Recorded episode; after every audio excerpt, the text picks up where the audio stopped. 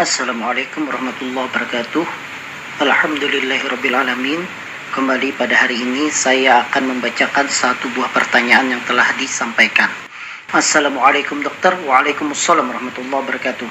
Sejak kecil saya sering mengalami keluar darah dari hidung atau mimisan Seiring waktu semakin dewasa mimisan tersebut berkurang tetapi tetap terjadi 1 sampai 2 bulan sekali sehingga saat ini saya sudah menganggapnya biasa saja dan tidak panik. Sebenarnya, apa faktor penyebab terjadinya mimisan? Apakah mimisan menunjukkan gejala penyakit tertentu? Apakah saya harus melakukan pemeriksaan lebih lanjut? Ataukah mimisan ini hal yang biasa saja? Terima kasih dok dari Herman. Baik, terima kasih Pak Herman atas pertanyaannya. Jadi Pak Herman eh, bertanya tentang uh, terjadinya mimisan sejak dulu dan sekarang sudah mulai berkurang tetapi tetap terjadi 1 sampai 2 bulan sekali. Nah, tentunya mimisan itu menjadi salah satu kondisi yang dapat dialami oleh siapa saja.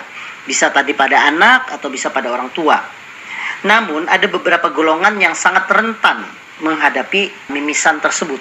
Seperti misalnya usia lanjut atau wanita yang sedang menjalani kehamilan, pengidap kelainan darah, ataupun anak-anak dalam rentang waktu 3 sampai 10 tahun itu adalah hal yang wajar. Kenapa itu bisa terjadi? Terjadinya perdarahan tersebut uh, akibat pada bagian tengah hidung itu terdapat pembuluh darah yang cukup rapuh.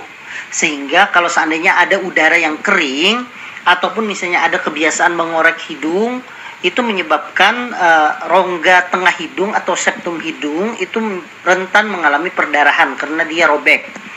Namun hal ini tidak berbahaya karena itu pembuluh darah yang sangat kecil sehingga kalau ditekan saja itu akan menyebabkan e, berhentinya mimisan tersebut.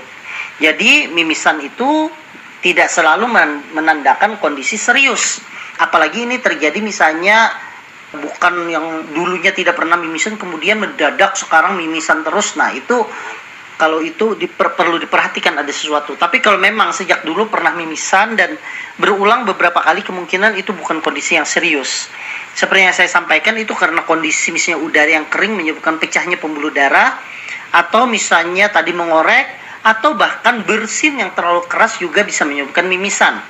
Stres juga bisa mengalami mimisan terutama pada individu yang sudah lansia misalnya ataupun ibu yang hamil itu bisa menyebabkan mimisan. Nah, itu tadi saya jawab uh, faktor penyebabnya.